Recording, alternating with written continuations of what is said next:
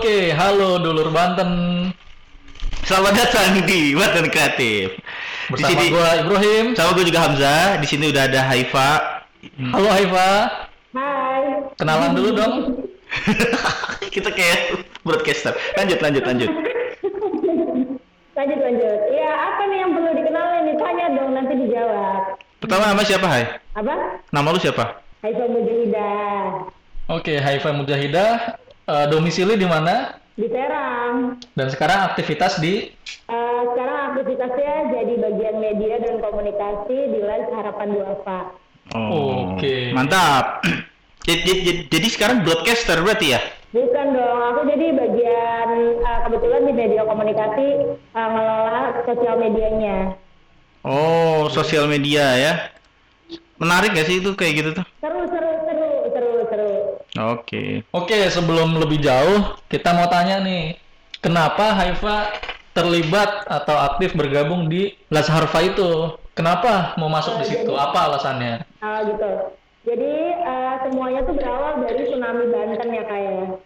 Oh, dari Sumatera Banten. Ya, jadi tsunami Banten tuh aku jadi relawan. Jadi relawan. Relawan eh, cari donasi. Waktu itu biasanya event-event event kayak eh, Car Free Day, aku ikut di situ jadi bagiannya.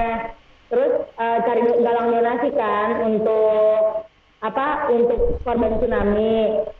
Terus habis itu setelah dari tsunami terus berlanjut tiap ada event karena kebetulan aku anak komunikasi eh, ada senior yang ngajakin ikut yuk bantu event di sini jadi relawan oke aku jadi volunteer gitu ya volunteer event kalau ada event car free day atau kajian atau apa pun aku ikut jadi selama satu tahun itu dari tsunami sampai akhir 2020 itu aku satu tahun jadi relawan dulu jadi nggak langsung kerja gitu tapi jadi relawan dulu gitu kalau ada event join gitu kak Hmm, Berarti menarik juga. Jadi dari dari udah lama ya.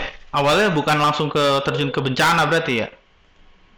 ya enggak jadi jadi relawannya dulu karena kebetulan agak susah dapat izin orang tua untuk eh, ke pedalaman saat itu karena waktu tsunami jadinya cuma bisa bantu di eventnya aja gitu Oh, oke. Jadi awal-awal emang Haifa ikut sebagai relawan di Las Harfa itu. Nah, kalau boleh tahu, Las Harfa itu sejauh ini bergerak di bidang apa aja? banyak kak di segala bidang eh, sosial kemanusiaan jadi eh, emang program unggulannya itu eh, penyediaan sanitasi. Jadi kan eh, masyarakat Banten itu tahu sendiri kan masih melakukan buang air besar sembarangan. Hmm, nah di daerah eh, ujung-ujung pelosok Banten. Bahkan di kota Serang pun masih ada itu hal itu. Jadi Harpa turun ke desa-desa itu untuk melakukan pemberdayaan kepada masyarakat eh, untuk menjauhi hal-hal itu kak jadi kita eh, nggak cuma biar masyarakatnya sadar tapi benar mereka bangun jamban sendiri terus mereka mandiri secara ekonomi eh, terus pokoknya pemberdayaan masyarakat desa fokusnya lebih ke situ sama kalau ada bencana eh, kita juga turun gitu Oh. Nah, nih. eh selama di Harva nih ya atau selama tergabung dalam lembaga kemanusiaan ya cenderung kan gitu. Udah pernah terjun ke mana aja? Eh, kayak misalnya kan tadi kan tsunami itu ya, terus kemudian tadi sebagai event ya, event tsunami, terus kemudian kalau nggak salah infonya pernah juga ter- kemarin itu terjun ke pedalaman Banten ya kan? Ya katanya mau mau ke kampungnya itu lewatin gunung, lembah, sungai ya kan, naik perahu, nah itu. Setahu, setahu saya kan kalau pedalaman Banten itu kan cuma Baduy ya paling ya. Setahu, saya ya pedalaman Banten itu cuma Baduy. Nah itu gimana tuh? Cerita lah dikit. Iya jadi eh, boleh ya. Jadi kalau emang pengalaman turun ke lapangan itu eh, aku udah beberapa kali ya.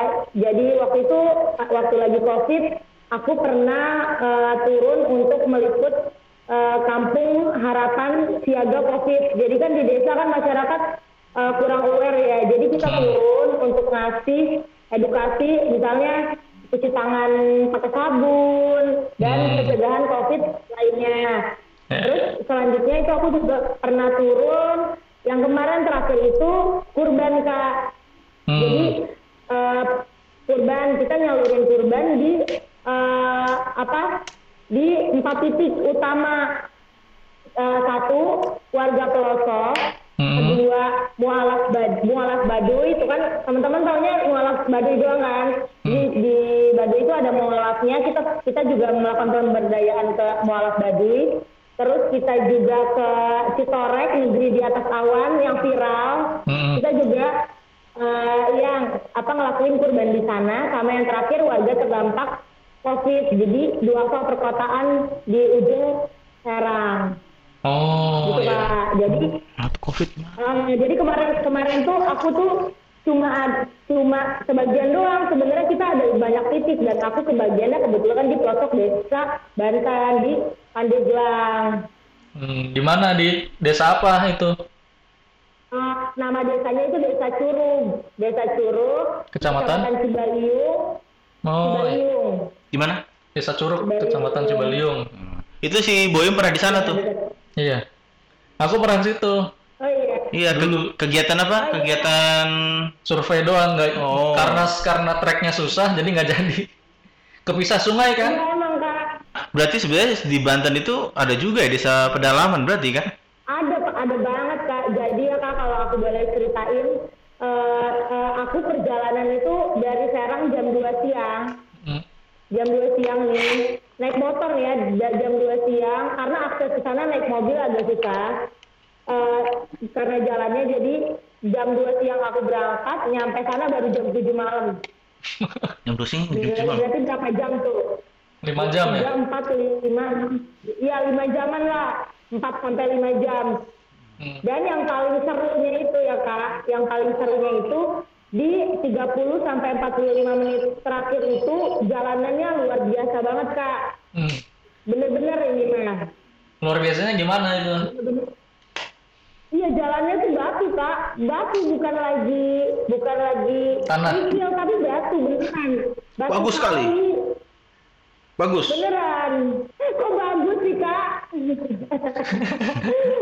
pakai pakai mobil. Pakai mobil crawling bagus tuh Iya karena itu jadi kita naik motor aku tuh sampai itu kan sampai jatuh. Oh gitu, sampai jatuh. Mm-mm. Karena batunya tuh besar-besar banget ya Jadi motornya nggak kuat nanjak kan ada tanjakan ada turunan. Motornya Iya. itu jadi jatuh kaki aku luka. Bahaya sekali. Iya Kak. kakinya itu jalanannya bagus banget. Nah itu eh, kenapa kira-kira Haifa kan melihat jalannya rusak ke daerah pedalaman itu. Kira-kira kenapa jalan jalan yang mungkin nggak terlalu jauh dari ibu kota eh, provinsi bisa serusak itu bahkan motor aja susah untuk lewat. Ya aku juga kurang tahu alasannya kenapa. Paling kayak itu pemerataan eh, apa sarana prasarananya kurang merata aja sih kak.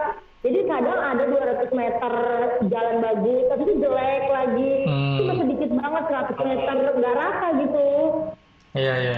Kasiannya tuh masyarakat di sana tuh kalau musim hujan kak sama sekali, jadi harus jalan kaki, motor pun didorong gitu loh kak. Hmm, terputus Karena aksesnya ya. nggak- nggak- Ah, ah, gitu. Jadi mereka tuh ke pasar tuh apa kakinya blok-blok gitu. Karena pasarnya itu itu yang sekitar 30 menitan itu pasarnya. Kalau Hmm. mau ke pasar. Nah, itu berarti masyarakat di situ yang Haifa temuin yang terpotong aksesnya itu kehidupan mereka itu seperti apa di situ? Apakah mereka bertani ataukah mereka punya aktivitas lain? Kalau yang aku lihat di situ sih, kalau kondisi rumah-rumahnya, kak rumah-rumahnya itu masih rumah panggung. Mm-mm. Rumah-rumah di sana masih rumah-rumah panggung kayu. Eh, biasanya sih ya bertani kebun sih berkebun gitu loh pak. Dia misalnya dia punya kebun terong kemarin tuh yang di tempat yang aku inepin itu rumahnya dia di- punya kebun terong. Terus dia nanam-nanam di pekarangan rumah. Ya, Jadi itu salah satu pemberdayaannya itu kita memberdayakan masyarakat masyarakat desa eh, untuk bertanam di rumah dia atau di, di di halaman depan gitu loh. Hmm, ya. Berarti sebenarnya ini ya berarti sebenarnya masyarakat masyarakat Banten itu rata-rata sebagai petani ya pekebun gitu segala macam ya ini berkebun gitu yang yang di pelosok. Nah, untuk menjual hasil perkebunannya gimana? Eh, aku sih kurang tahu lebih lanjut ya, tapi yang aku tahu ya itu apa mereka kayaknya bareng-bareng gitu loh kak, bareng Oh. jualnya. Jadi dalam kloter gitu ya. Tapi emang taraf hidup masyarakatnya yang Haifa lihat apakah eh, sejahtera atau kurang sejahtera atau cukup atau gimana? Bervariasi sih kak, kayaknya sih bervariasi. Tapi itu yang Azza lihat eh, mereka tuh rumahnya itu masih rumah kayu, rumah panggung yang kalau kita jalan ter, ter ada bunyinya gitu kayunya tuh Berarti keren ya. eh, apa di pedalaman. Nah, kalau ngelihat eh, masyarakat yang seperti itu ya kan, kan, ter- kan cenderungnya ini ya berarti ekonominya itu menengah. Jadi ada ada gap yang jelas gitu. Kan kita Banten itu kan Tangerang itu ada tiga kota dari ada tiga kau- kota kabupaten, Kabupaten Tangerang, Kota Tangsel, Kota Tangerang. Kemudian ada Serang, Pandeglang, sama Cilegon ya. Hmm. Melebak satu lagi, Melebak. Nah, itu berarti ini juga ya. eh ada kesenjangan yang lumayan besar ya di Banten. Nah, di Banten terutama ya, karena kan kita bicara provinsi. Beda gitu antara harapan hidup kota sama harapan hidup di di apa namanya di daerah-daerah eh, kabupaten seperti yang tadi beberapa ada yang kita sebutkan gitu. Nah, sebenarnya untuk untuk masyarakat Banten gitu. Eh Hmm. harapan hidup di wilayah perkotaan mungkin ya kalau dibilang tinggi nggak juga ya kan? Karena ada kesenjangan juga di kota. Nah eh, tapi kalau untuk daerah-daerah pedesaan yang pernah Haifa kunjungin berarti harapan hidupnya tinggi atau rendah itu? Masih rendah kak. Jadi ya udah mereka tuh eh, mengandalkan hasil berkebunnya aja gitu. Nah untuk movement yang bisa dilakuin itu apa aja sih kira-kira nih ya sebagai kita sebagai anak muda yang bisa kita lakuin. Sih yang pertama bersyukur kak. Bersyukur. Yang pertama dilakuin itu bersyukur. Bersyukur dulu. Yang pertama tuh di bersyukur dulu gitu.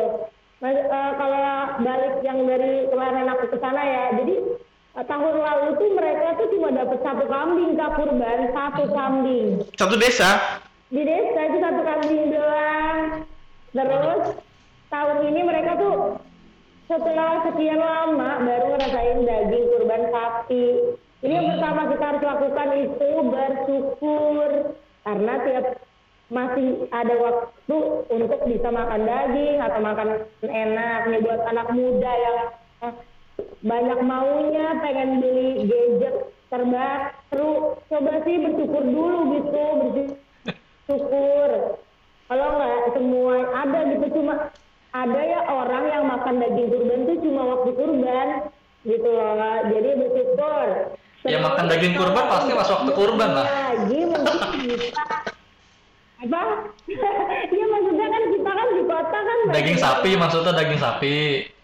Iya, maksudnya kan ada kayak mas aku pernah dengar tuh masih ada yang suka ngeluh ah kalau idul kurban mah bos kan makan daging terus gitu Hmm. Gitu deh pokoknya. Ada tuh manusia-manusia kayak begitu. Berarti intinya semuanya bersyukur terus kemudian apa nih movement ya movement gimana nih movement mau bikin pendidikan movement apa ya buat kesehatan. Ya jadi ke- eh, ap- kegiatan atau gerakan seperti apa yang kira-kira dibutuhkan untuk membantu desa terpencil seperti itu? apa ya kalau bisa patungan jalan mah patungan jalan kan patungan bangun jalan desa gitu. Tapi kan udah ada dana desa. dan desa lumayan lah satu miliar. Iya aku nggak aku nggak paham deh birokrasi desa tuh bagaimana tapi gitu deh. Kalau aku yang pertama aku soroti sih jalanannya. Oke. Terima kasih Haifa. Eh, ditunggu movement selanjutnya Hmm. tapi satu pertanyaan mungkin eh Harfa itu kan bes paling besar di Banten ya iya kan Hmm. ya eh, tingkat provinsi. Nah, berarti kemarin saya waktu lagi eh, bencana di Lebak itu yang Hmm. banjir bandang itu wah ternyata Harfa buat posko sendiri luar biasa berarti kan. Semoga nanti seterusnya bisa tetap komitmen ya di kemanusiaan, di kesejahteraan masyarakat itu penting gitu semua. Dan buat kawan-kawan semua yang mendengarkan ini banyak-banyaklah bersyukur karena memang bersyukur itu jadi banyak-banyak bersyukur karena memang du- sedulur karena memang sedulur Banten sedulur Banten eh, pentingnya bersyukur itu bisa menim- menimbulkan empati kita terhadap masyarakat masyarakat menengah ke bawah betul tidak? Betul. Nah, oleh karenanya eh, kita tunggu tunggu kita untuk movement selanjutnya. Semoga dari Banten Kreatif ini bisa menimbulkan movement untuk kesejahteraan masyarakat-masyarakat Banten dan Indonesia terutama. Karena perlu diketahui, men. Perlu diketahui Haifa Boim, ya kan? Karena Banten itu terkenal sama beberapa beberapa hasilnya seperti eh, budaya Baduy, terus kemudian goloknya itu yang luar biasa. Baik, terima kasih teman-teman sekalian. Eh, ada lagi yang ingin ditambahkan dari Haifa atau Ibrahim? Haifa, Haifa ada closing, Haifa closing statement asik. Banyak-banyak bersyukur tadi yang Kak Hamzah bilang itu kita harus banyak-banyak bersyukur Mm-mm. Eh, dan lebih peka sama lingkungan lebih peka sama lingkungan. Jadi apa pun yang bisa kita berikan di masyarakat di sekitar kita itu kita lakukan gitu. Nggak usah pilih-pilih lihat yang jauh yang dekat yang dekat dulu aja yang ada di depan mata. Persoalan di depan mata di tingkat RW, di tingkat RT itu selama itu kita bisa eh, masuk, kita kerjakan, kita lakukan sehingga kita bisa berma- bermanfaat untuk masyarakat sekitar. Oke, terima kasih Haifa. Baiklah Dulur Banten, saatnya kita undur diri. kita undur diri. Terima kasih sudah mendengarkan. Semoga menjadi inspirasi bagi kawan-kawan sekalian. Udah. Sampai jumpa.